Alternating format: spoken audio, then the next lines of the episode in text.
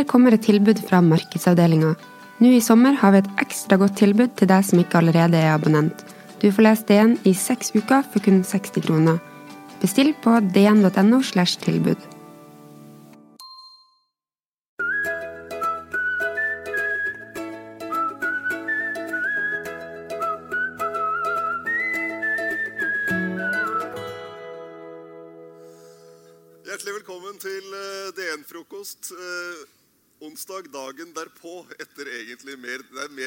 Derpå enn en vi hadde trodd på forhånd. Det er ikke bare dagen derpå etter partilederdebatten, men også dagen derpå etter at sirkuset kom til byen. Eh, vi har fått et, eh, en fin eh, liten trio her som skal eh, oppsummere dette eh, sammen. Eh, jeg så i, eh, i, hos noen av eh, Eh, Våre konkurrenter har jo da trillet terninger om gårsdagens partilederdebatt. eh, Og det er selvfølgelig veldig opplysende. Der får VG VG gir fem til Erna Solberg og fire til Jonas Gahr Støre. Og Dagbladet gir fem til Jonas Gahr Støre og tre til Erna Solberg. Så det at eh, dette ikke var en presisjon og en eksakt vitenskap å trille terning, det, det er kommer kanskje som en overraskelse, så vi dropper terningen og går rett på samtalen isteden. Vær så god. Ingvild Kjerkol fra Arbeiderpartiet, Heidi Nordby Lunde fra Høyre og Sveinung Rotevatn fra Venstre. Ingen av dem er her som privatpersoner. Så rydda opp i det med en gang. Eh, Vi skulle hatt med Roy Steffensen også, men han måtte dessverre melde avbud i, i siste liten. Eh, eh, Det var jo litt av en dag i går. Vi har noen klipp her. Jeg tror bare vi kjører, med, kjører i gang med det første klippet med en gang jeg, for å ta en liten for oppfriskning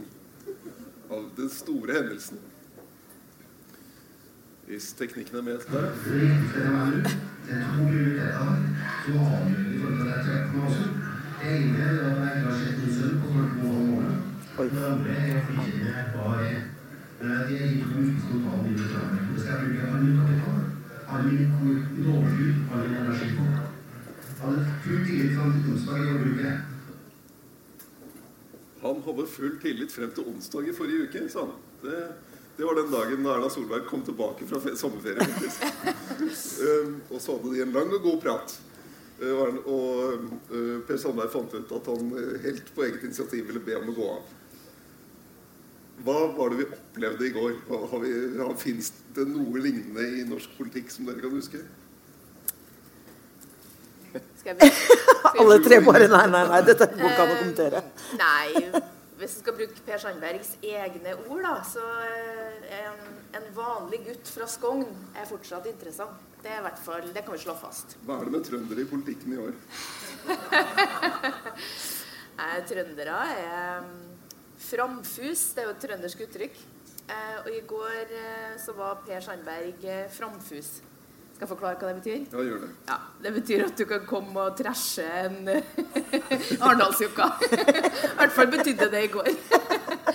Eh, Du kan eh, være veldig frampå, få mye oppmerksomhet. Ja. Så er ikke dermed sagt at eh, det som avleder oppmerksomheten, er like framfust. da. Hva Vi må ikke gjøre dette til en trøndersak. Nei, for guds skyld, det skulle tatt seg ut. Hva, hva, hva, blir dette her nå uh, av sak, egentlig? Hva slags uh, hva er Per Sandberg-saken blitt nå? Altså, for, for bare ta til gårsdagen, Det er vel noe av det mest selsomme vi har sett i norsk politikk på veldig veldig lenge. Men jeg tror også det blir et sånt brytningspunkt. fordi eh, Vi så også i debatten at man prøvde å linke, at man prøver å linke Per Sandberg-saken opp mot en mer alvorlig sak som handler om objektsikring og nasjonssikkerhet. Og det tror jeg bare eh, tar ut noen av de grenselinjene som har Det tjener egentlig regjeringa, hvis man forsøker på, på det. Men når han sier at han hadde eh, full tillit fram til han eh, ikke hadde tillit, så er jo det sånn det er å være statsråd. For Enten så har du statsministerens tillit, eller så har du det ikke. Og du kan ikke ha sånn uklare 'nei, jeg stoler litt på deg, det er greit'. Altså, Enten så har du tillit og kan gjøre ditt embete, eller så har du det ikke, og da må du gå. Eh, Så det er jo ikke noe nytt i det at man har en lang samtale og kanskje finner ut av at personlige årsaker så av hensyn til familien, så trekker jeg meg nå. Helhetlig vurdering. Ja, riktig. Sveinung, det er jo nå to uh, som har vært justisministre, og at deg som statssekretær som har måttet gå av. Ja, men jeg tar ansvar ved å bli sittende, så det går helt fint. Eh, ja, nei, altså, hva, skal jeg si? Eh, eh, det, det, som var litt interessant i går, var å snakke med, egentlig, alle journalistene fordi det virker ikke som journalistene klarte å bestemme seg for om de var forbanna fordi at de ikke fikk stille spørsmål da det var Gambit som arrangerte det. Eller at jeg først og fremst syntes at det her var det mest fantastiske jeg hadde sett noensinne. Men det var, et, det var et følelsen vi hadde. Ja. Men eh, ellers så var det ikke noe eh, Det var ikke noe sjokkerende som kom fram i og for seg. Altså, det var liksom mye halvslapp mediekritikk. Og det er jo altså, det er lov å være sint på media når det har gått av som statsråd, tenker jeg. Eh, og så var det en ros uten like av både Frp og av regjeringsprosjektet og av Siv Jensen. Eh, så det gikk litt i alle retninger, på en måte. da. Men det, vi gleder oss til boka, alle sammen. Ja, absolutt. Eh, apropos det, denne koblingen som eh, opposisjonen eh, lager av denne saken med Per Sandberg og hans mobiltelefon, og objektsikringssaken.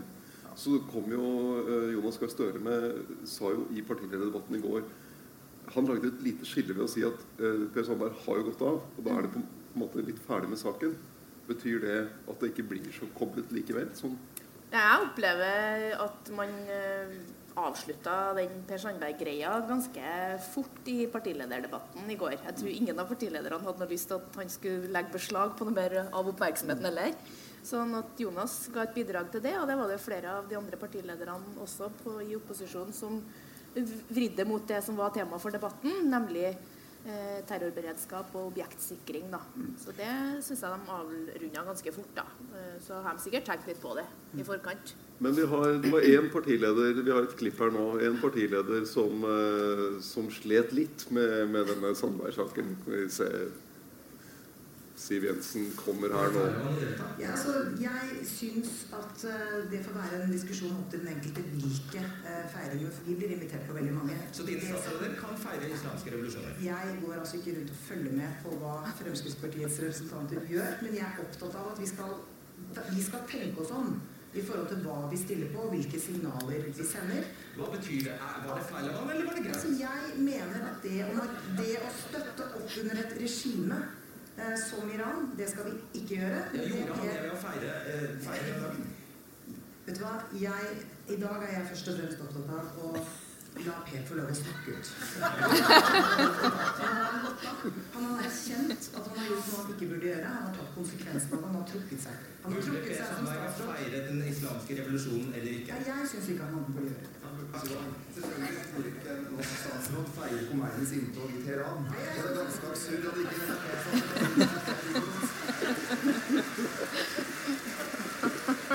Ja, her har vi da Siv Jensen, leder i partiet, som snakker rett fra levra og kaller en spade for en spade. Eh, Det er jo litt vondt å se på her.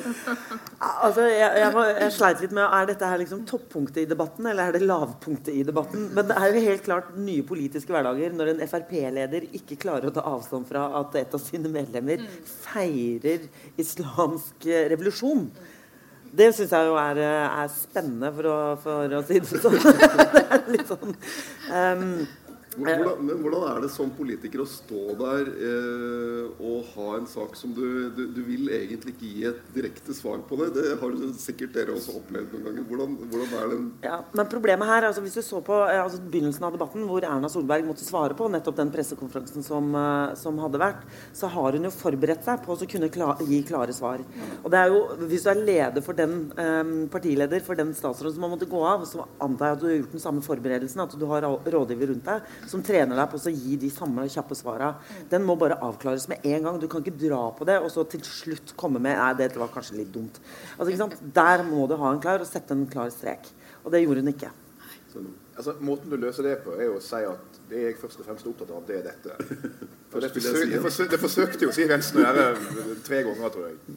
Eh, Så det, det vi så, var vel en kombinasjon av en, en god programleder, egentlig. Um, Usedvanlig god i en sånn stor partilederdebattsammenheng, som ikke ville gi slipp på det. Eh, og noe som var genuint vanskelig for Siv Jensen. Eh, og så egentlig var det litt uvanlig, for Siv Jensen er jo veldig ofte liksom tryggheten sjøl i sånne debatter. Hun kan si mye om Siv Jensen, men hun er utrolig god i det formatet. Eh, men det der fiksa hun ikke. Og det det er litt overraskende fordi eh, det spørsmålet skulle hun jo tro kom. Hun virka nesten litt uforberedt på det. Men det kan jo, jeg vet ikke, det har jo en litt personlig dimensjon, dette også. Hun og, og Per Sandberg har jo jobbet tett sammen i veldig mange år og vært gjennom ganske mye tøft og krevende. Så det er jo Jeg vet ikke, kan jo ligge noe sånt bak også. Absolutt. Men jeg hadde kanskje forventa, i likhet med de andre her, at her hadde man drilla en par sånn greie svar på spørsmål man åpenbart måtte vite at kom. For det, det burde man. Men det klippet der viser vel også at det var Fredrik Solvang var en av de som kom aller best ut av den debatten i går kveld. Jobben veldig godt. Men jeg syns Trygve Slagsvold Vedum traff jo ganske godt han da, med sine valg av ord. Det er klart du ikke kan feire det, liksom. Kom igjen, da. Eh, eh, Vi går over i den objektsikringssaken. Vi har et eh, klipp til der som eh, den eh, med eh, SV-leder Audun Lysbakken. Det, det, det er det snakk om her, er hva slags sikkerhetskultur som er under deg, Erna Solberg. Og der er det en sammenheng mellom Sandberg-saken og beredskapssaken. Du lovet gjennomføringskraft i 2013. Det var derfor folk skulle velge deg til statsminister. Nå har vi hatt fire forskjellige justisministre. Det folk fikk, var gjennomføringskraft, det var gjennomtrekk, og du må ta ansvar og være. Ja. Ja. Eh, han gjorde koblingen, da. Gjorde han. Eh, men så påpeker han jo noe som er relevant også. Eh, nemlig at det har vært eh, fire statsråder på kort tid på et område hvor Stortinget har lagt store forventninger på regjeringa på å levere. Hvor vi har oppfølging fra 22. juli-rapporten og senest nå Riksrevisjonens ganske harde ord. Sånn at det at ansvar forvitrer hvis det skifter statsråder ofte, det er jo en, en sannhet. Så han, syns han er både god og litt sånn Ja. Det var jo flere som avgrensa den koblinga til Per Sandberg, da. Telefonen til Per Sandberg hadde ikke, var ikke helt relevant, da. Men det gjorde seg som retorisk poeng. Ja. Ja da, Telefonen til eh, Sandberg er et objekt, men det er kanskje ikke Ja. der objektsikringen skal begynne. Og, Og saken er mye større. Nei, og, og saken er mye, mye større enn det. Men en av de tingene som satt og reflekterte litt over, også på ikke bare Lysbakken og poenget i henhold til denne saken, men det er jo også reaksjonene i salen. Og dette her er Arendalsuka. Og det å tro at den salen og den jubelen eller applausen man får på under Arendalsuka i partilederdebatten, at det er en gjengs oppfatning blant folket, det er nok kanskje litt skeivt. Um, og, og sånn sett også, når SV står for den kritikken som de står for, også svekker kritikken egentlig med å binde opp mot Sandberg-saken, uh, så er det nok ikke noen stor tillit i folket til at SV er det partiet i Norge som sikrer, uh, sikrer og trygger Norge, uh, både nasjonalt med, gjennom forsvar eller politi. For det er ikke SVs sterkeste saker. Men jeg mener jo at eh, mye av det som ble svart på også i, i går, var at eh, jo, men mye av de endringene som er gjort, de reformene som har vært gjort, er jo har vært svaret på de utfordringene som har blitt vist gjennom rapporter fra tidligere regjeringer. Eh, så har man jo diskusjon på det, og jeg syns det er bra at Riksrevisjonen kommer og påpeker de tingene de gjør. For det gir jo en anledning til å gjøre det bedre. Men ble, hvor lett var det egentlig for, folk å følge den objektsikringsdebatten i går? For det, det var jo litt sånn eh, Erna Solberg prøvde å si nei, det er ikke det, det er noe av, ikke sant, det er det. Kan du rydde opp i dette som er i Justis- og beredskapsdepartementet? Ja. Ja, nei, nei, Det er jo ikke enkelt, ikke bare for folk, men også tror jeg, for en del journalister. Altså Før, eh, før sommeren, altså den før nevnte Fredrik Solvang som fikk skryt i stad, eh, han leda jo en sånn objektsikringsdebatt på Dags 18 før sommeren med Tor Mikkel Wara. Og de liksom insisterte på at dette handler om noe helt annet enn det det faktisk handler om. Eh, og så Mikkel Wara forsøkte å si nei, det handler om følgende. Og så unnskyldte jo Fredrik Solvang seg til slutt etterpå, da. Eh, men det sier noe om at det her har på en måte begynt å handle om alt mulig, litt sånn der ute. Eh, og også i partilederdebatten i går. Eh, det her er en viktig sak, det ble en viktig høring, og det er for seg en alvorlig sak. Men det som skjedde i går, var jo at alle partilederne tok liksom sin sånn kjepphest på justisfeltet og kobla den til objektsikring. Ja, for det objektsikring handler om, det er jo eh, en del av politiet sine egne objekt, om man har gode nok backup-løsninger det, god nok sikkerhet rundt dem. Mens det som vi skulle begynne diskutere i går, det var strømforsyning, og så var det Heimevernet, og så var det telefonen til Per Sandberg, og så var det politireformer. Eh, så, så hvis det er sånn den høringa skal være, så tror jeg at regjeringa skal komme ganske godt fra den høringa. Så jeg vil anbefale at de faktisk leser den rapporten før de begynner på det på Stortinget til høsten. Nei, nei, nei, Sveinung. Det er omvendt. Ikke les rapporten. La det handle om noe helt annet, så Ja, ja, sitter vi litt tryggere. Ja, eh, eh, partilederen fra Miljøpartiet De Grønne dro jo også inn sommerens tørke. eh, At det var relevant i forhold til objektsikring. Hun- objektsikring dro- av kornåkeren? Hun dro ikke den direkte parallellen. skal, vi må være snille og redelige. Men eh, hun eh, lanserte også det elementet. Så det er klart, eh, man tar jo det som er viktig. Men eh, Jonas Gahr Støre hadde med seg rapporten og lest av den i, i eh, debatten, da. Så Det er det, man, det er det man som mangler i politiske debatter. Det er flere revisjonsberetninger. Og det gjorde Erna òg, faktisk. Så noen var bestemt på å gjøre det ordentlig. Men det er jo, eh, det, altså som er, det er jo en ganske alvorlig sak for, for regjeringen, dette her med, de, med hvordan eh, Erna Solberg drev valgkamp i 2013. Og det at man hadde en runde i fjor der eh, Stortinget jo gikk ganske langt i kritikken. Venstre ikke så langt eh, som KrF og de andre. Men, eh, og det er, det er et viktig tema. Så Så ordet mistillit ble jo trukket inn Det var jo litt sånn Hvem sier mistillit først? Og så fikk eh, Audun Lysbakken ordet før han som egentlig ville si det aller først. Da tar vi det neste klippet. Han kastet, jo det, kastet seg jo da veldig fort på.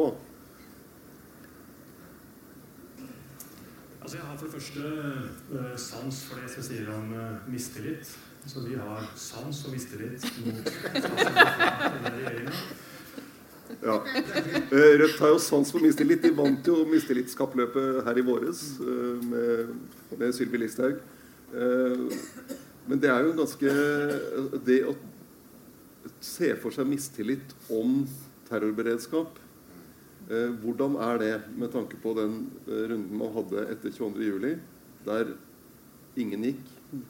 Og den kritikken som ble rettet fra Stortinget, ikke var mot, engang var mot regjeringen, men mot et mer sånn diffust myndighetene. Nei, altså Mistillit er jo alltid alvorlig. eh, og Rødt er jo tydeligvis prinsipielt for mistillit. Eh, jeg tror for så vidt aldri Rødt har vært representert i en demokratisk samling uten å stille mistillitsforslag. Enten det er i kommunestyret, bystyret eller på Stortinget. Så det kan godt være at det kommer. Men eh, det, blir på en måte skapt et inntrykk da, eh, av at regjeringa har lova noe regjeringa ikke har lova. Eh, Den viser til denne høringa i fjor, og så blir det liksom skapt et inntrykk av at der sa Erna Solberg at nå skal alt være på stell straks. Eller nå skal alt være på stell neste år. Eh, Men Erna Solberg sa ikke på høringa i fjor at beredskapssenteret til politiet kommer til å stå klart neste år. Mens når det står klart i 2020, så vil du ha løst objektsikringsproblematikken for store delen av de objektene vi snakker om. Men du kan ikke trylle det klart før det, og det har heller statsministeren aldri sagt. Eh, Så jeg tror nok at skal du, skal du fremme mistillit på det her, så må du skape et bilde av noe som ikke helt er realiteten. Men når det er sagt, så har det skjedd med mistillitsforslag før, så du kan ikke utelukke at det kan skje. Nei, men selv om de sa eh, altså, Når man går inn og ser på hva de sa i fjor eh, tilknytning til den høringen, så kan de jo klippe ut disse at eh, de sa ikke at alt var i orden. Og, og særlig Ine Eriksen Søreide, som da var forsvarsminister, sa jo at her er det mye som gjenstår. og sånn. Men det som også gikk igjen, var jo at man viste til at denne rapporten som de da snakket om, var et øyeblikksbilde fra tidligere. Det, eh, og det er jo det som har fått KrF, da, eh, Grøvan, til å, vel, til å si at eh, regjeringen ga et sminket bilde i fjor. Det er en ganske skarp uttalelse fra, fra Kristelig Folkeparti. Folkeparti. Det er det, og det er jo en, det er en sak som eh, ikke er avgjort. Det kommer jo fram fra alle. Og så er det jo noen som velger å allerede nå stifte regjeringa på veggen og se om de får lov til å komme ned igjen. Det er jo det man gjør når man rasler med mistillit. Eh, men at det er en alvorlig sak, det er jo understreka gjennom hele debatten i går òg. Fra alle partilederne. Så det er heva over enhver tvil. Men det ville jo vært spennende om man nå setter en regjering til ansvar for hendelser som har skjedd i fortiden, hvor da forrige regjering ble valgte å bli sittende på det samme grunnlaget, eller på et egentlig dårligere grunnlag. Altså da mye ikke var i orden.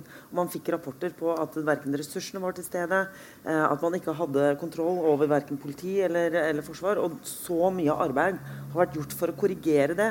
Og så skal denne regjeringen ta ansvar for tidligere regjeringers sviktende eh, oppfølging.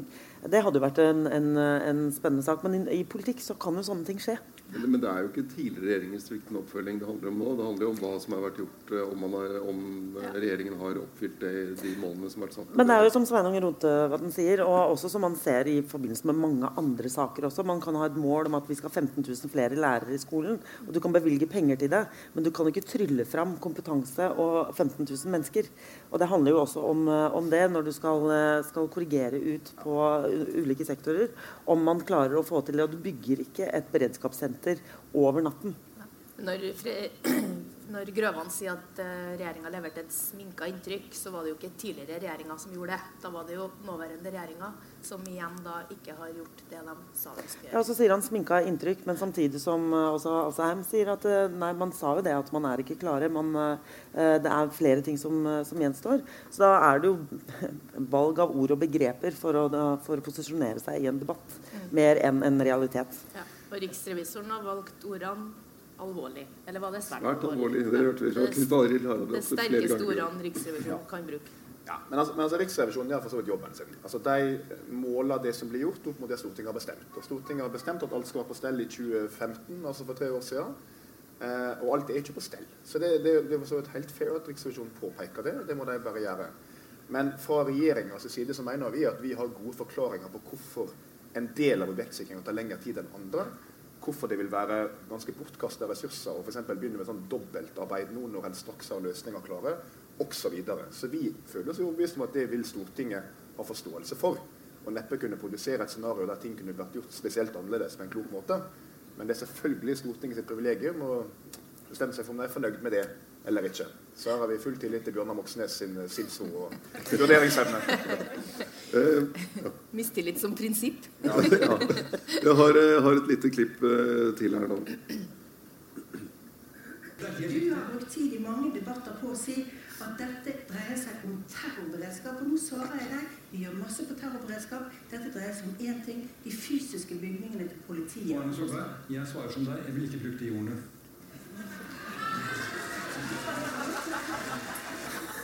Det, det lurer på det, altså, er det, det Det var mange som eh, Den satt, satt jo ganske godt i salen for en del. Men eh, det, hvordan, hvordan fungerte den, den replikken fra Støre for dere? Altså det, det er litt sånn, du, du merker jo at her, har vi, eh, her har jeg sittet sammen med rådgiverne mine og funnet ut at dette bør jeg si i løpet av debatten. Jeg må bare finne riktig sted å si det på.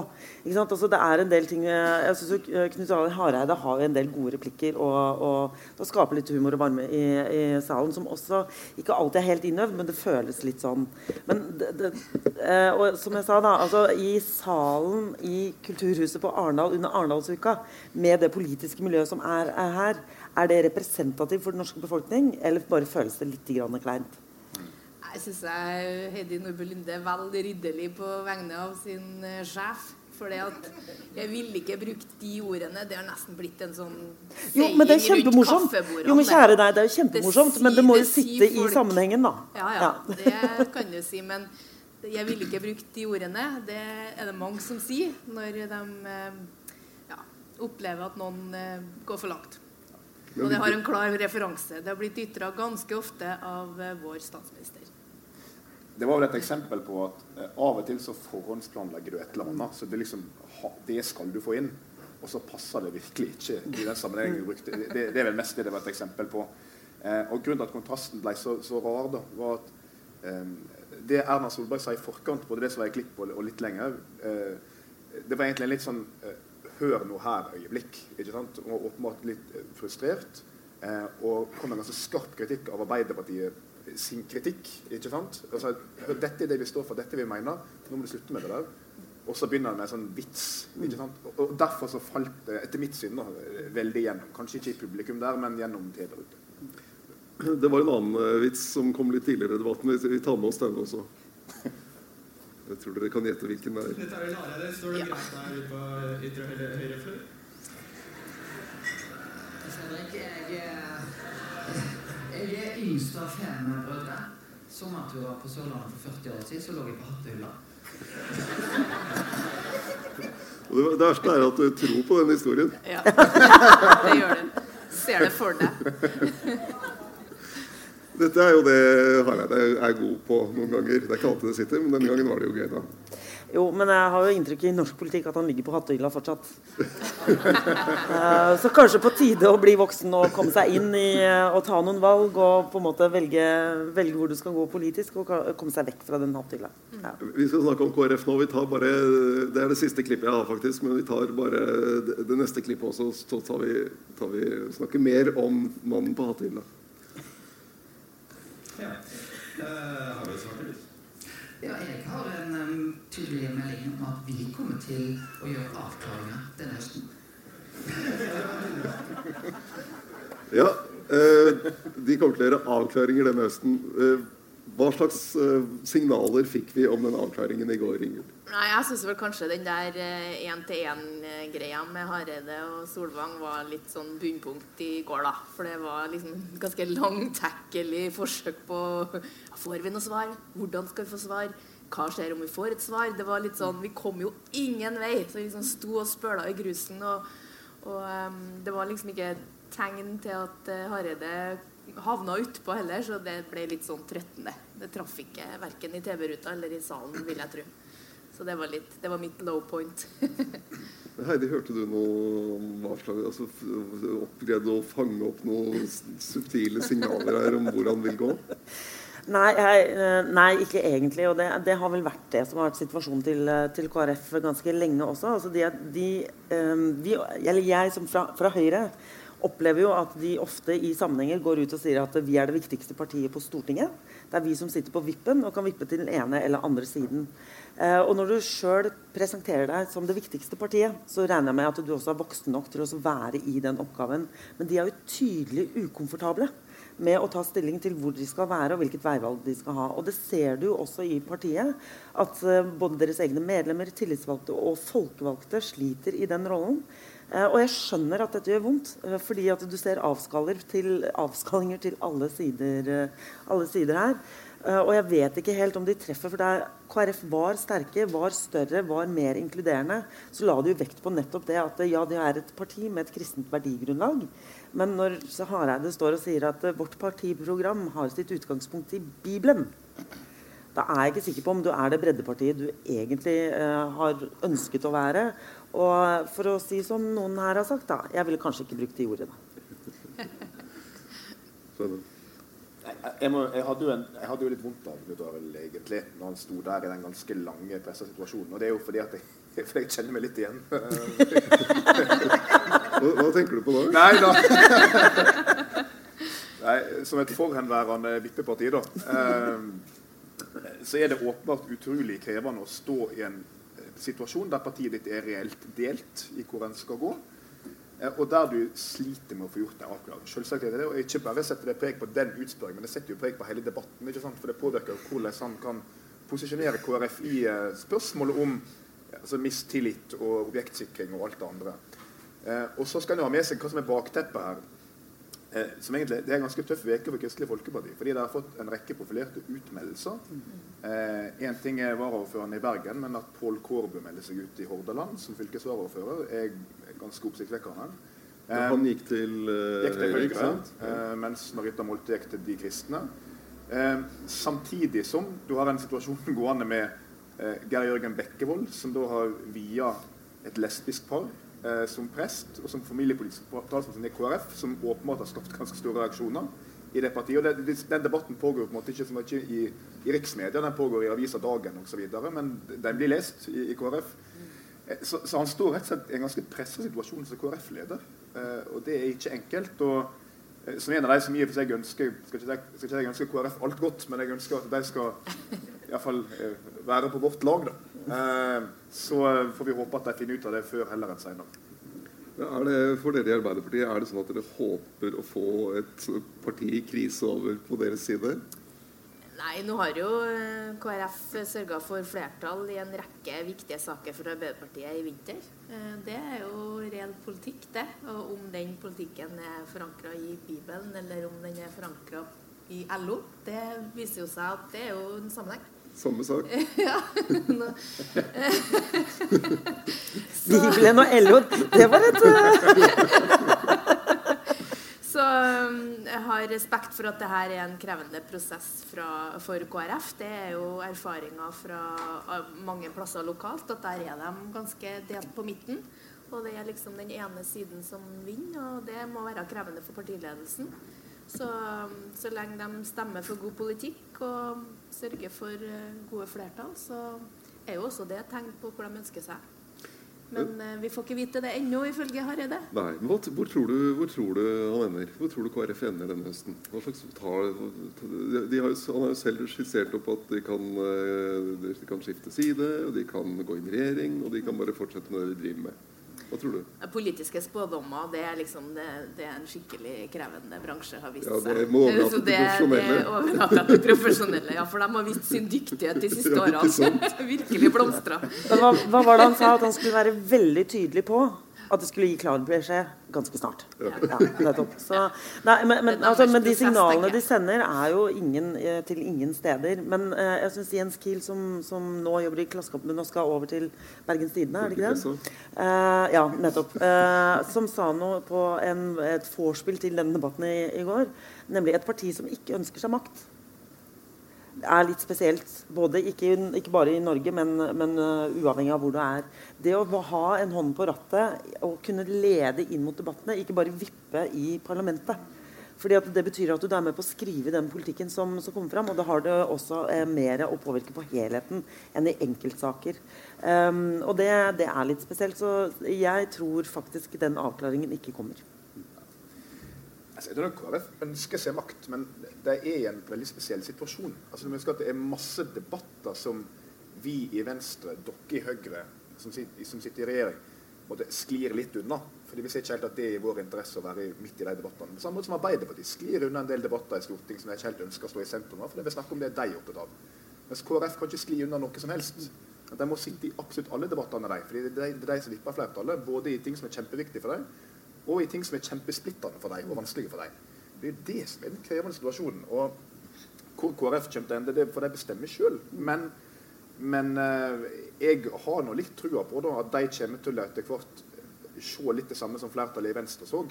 Som var at det er faktisk for det første enklere å styre liksom, de overordna politiske trendene, sakene, debattene fra regjeringsposisjon enn utenfor. Eh, og ikke minst at det er enklere å fokusere på de sakene som er viktigst for deg i regjeringsposisjon, med å ta de departementene som er viktigst for deg, osv. Så håper Hvis de tenker på den måten, så er det jo naturlig å tro at de vil tre inn i regjering i løpet av perioden. Men det er ikke gitt at de tenker på det. Eh, hvor, hvor, eh, hvor synlig syns du Venstre ble i den debatten i går, som da regjeringsparti? Um, jeg syns at uh, Venstre og Trine kom helt greit ut av debatten i går. Uh, hun sto ikke i sentrum av debatten. Det er det sjelden vi gjør, i og for seg. Men uh, jeg syns hun fikk snakka bra om eh, hovedtilnærminga vår til de viktige spørsmålene for oss, altså f.eks. i flyktningpolitikken. Tydelig fast at vi er for en europeisk løsning, for at Norge skal være med ta ansvar og slike ting.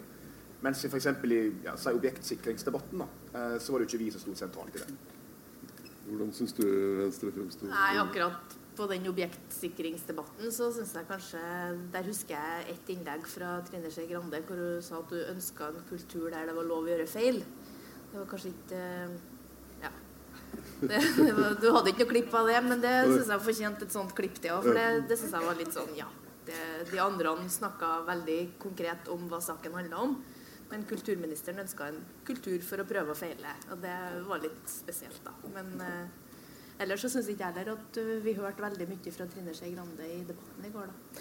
Men, men jeg satt og tenkte på liksom, utvalget av saker. Er dette her NRK har funnet ut at eh, ok, dette her er det viktigste sakene. Noe av det blir litt politisk nerding. For objektsikringssaken åpenbart en viktig sak.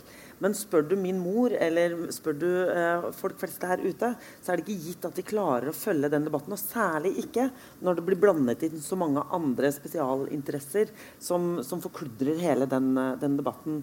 Så hadde du den klassiske, nemlig med flyktninginnvandring. Eh, som eh, er det noen debatter i Norge hvor vi ikke har den debatten, som man også bruker ganske lang tid på. Eh, og så hadde eh, Jeg syns at Venstre skinte, og da var jeg ganske fornøyd egentlig med at Venstre tok den rollen og den plassen på moderne, fremtidsretta arbeidsliv. Det er mye man kan, eh, man kan eh, problematisere rundt på arbeidslivspolitikken. Men at de tar den rollen, der tror jeg Venstre har veldig mye å vinne. Og jeg var veldig fornøyd med at kulturministeren viste seg som Venstre-leder og tok den rollen. Den rollen, hva tenker du på da? Ja, På å fremme et moderne og fremtidsretta arbeidsliv med å trygge, eh, fortelle også at dette handler ikke bare om automatisering og robotisering som gjør at vi mister arbeidsplasser, men at det også skaper arbeidsplasser. Og gir litt framtidstro også på, på, mye av det som vi diskuterer her under Arendalsuka, som jeg tror er i fem eller seks debatter om eh, arbeidslivet, hvor halvparten av dem er veldig sånn teknologioptimisme, og andre halvparten er veldig hva gjør vi med de jobbene vi, vi taper. Så det, og det å gå inn i den debatten, det er nok mer relevant for velgere flest og for de som sitter der hjemme. Og det brukte vi dessverre litt for lite tid på, syns jeg, på debatten i går.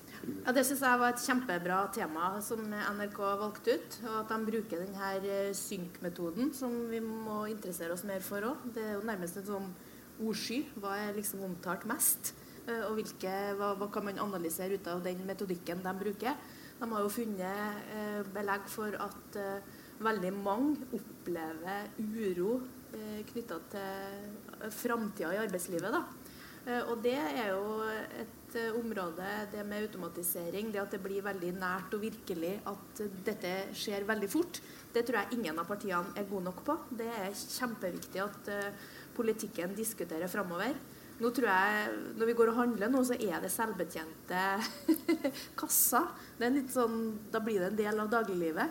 Uh, og så representerer det selvsagt en masse muligheter for å ta tilbake arbeidsoppgaver som tidligere har vært uh, utflagga. Det representerer framtidsretta ja, muligheter for mange mange, mange av våre eksportbedrifter. Men det at eh, så mange opplever frykt knytta til et fremtidig arbeidsliv, det må politikere i Norge, særlig de som eh, styrer landet, ta på stort alvor. Og akkurat det, den dimensjonen syns ikke jeg kom veldig godt fram i, i debatten. Eh, heller ikke så imponert over Venstre der, men det var sikkert litt ulikt utgangspunkt for å bli imponert. jeg, jeg, jeg, er sjokkert over ja. Eh, denne, denne, runden som var om, uh, egentlig om EUs migrasjons... Uh, hva skal vi si, avtale eller kompromiss. Uh, det, ble, det ble jo kanskje litt så vanskelig å trenge gjennom for folk hva dette egentlig var. Men der var jo i, regjeringspartiene, regjeringspartiene, så var jo, da var jo Trine Skei Grande veldig for at her skulle være med. Uh, og Siv Jensen var for at Norge ikke skulle gå først. Mm. og, og, dessuten at det skulle være først må det være forpliktende, det som skjer uh, i, uh, på EU-siden, som det jo foreløpig langt fra er. Um, og så syns jeg jo Bjørnar Moxnes fra Rødt hadde en veldig vakker liten formulering om at det vi trenger, er et mellomstatlig samarbeid. Ja. Er det noen av dere som kan komme på et eller annet mellomstatlig samarbeid i Europa som, kan, som kan prøve å håndtere migrasjonskrisen? Det hadde vært en god idé, da. Ja. ja. vi trenger det. Men, men uh, uh, ja, altså det var en, sånn, det var en klassisk innvandringsdebatt i og for seg, da. Uh, der du får det som alltid skjer, nemlig at det er det er jo åpenbart ulike meninger på begge sider av det politiske spekteret her. Eh, det har det alltid vært. Og så kritiserer en hverandre for at det er ulike meninger på begge sider av det politiske spekteret.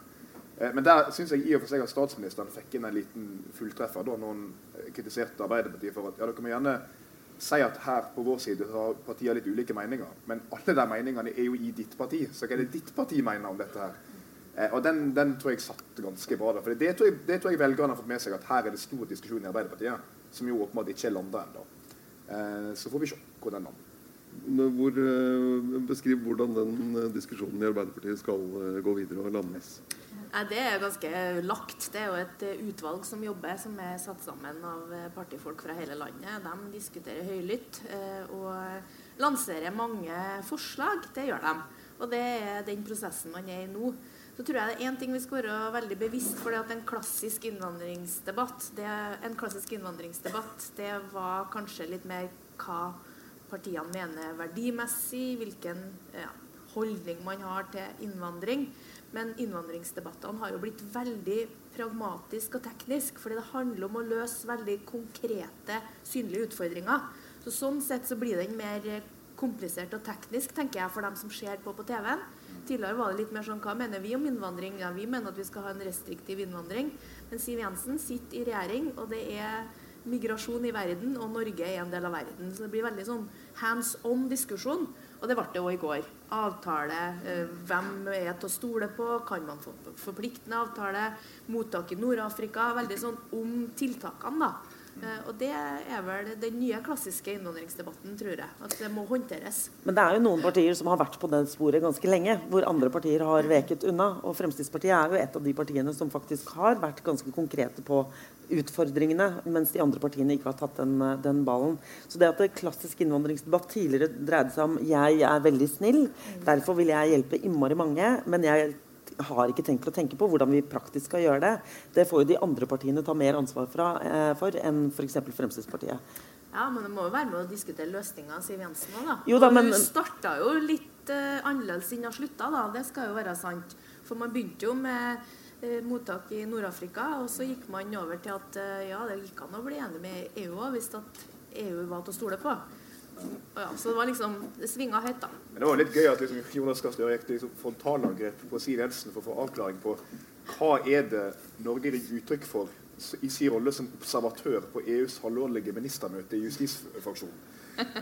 Jeg, tror aldri jeg har hørt en partilederdebatt at noen liksom avkremt svar på hva Norge mener i sånne settinger før. Eh, men det er jo bra, det. For det er jo det det handler om. Og så er jo eh, debatten her, som ellers handler om EU-spørsmål, litt, litt, rar. Eh, I den forstand at alle sier at nei, nå får vi nå vente og se hva som skjer. Hva er det de andre bestemmer seg for?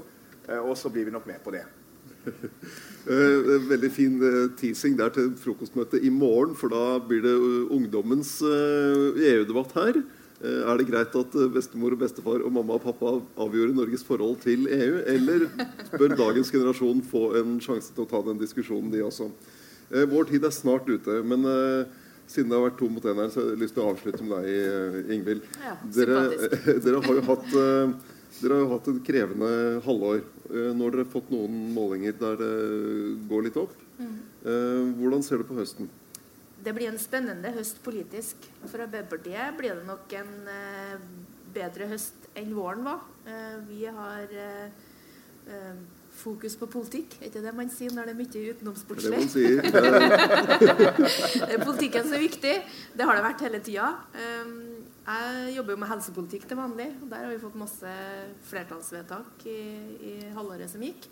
Men eh, det blir en spennende høst, kanskje mer for regjeringspartiene enn for eh, Arbeiderpartiet, med tanke på indre liv og egne veivalg osv. Det blir i hvert fall en spennende høst. Gjengen skal legge fram et budsjett, og de skal forhandle med Stortinget.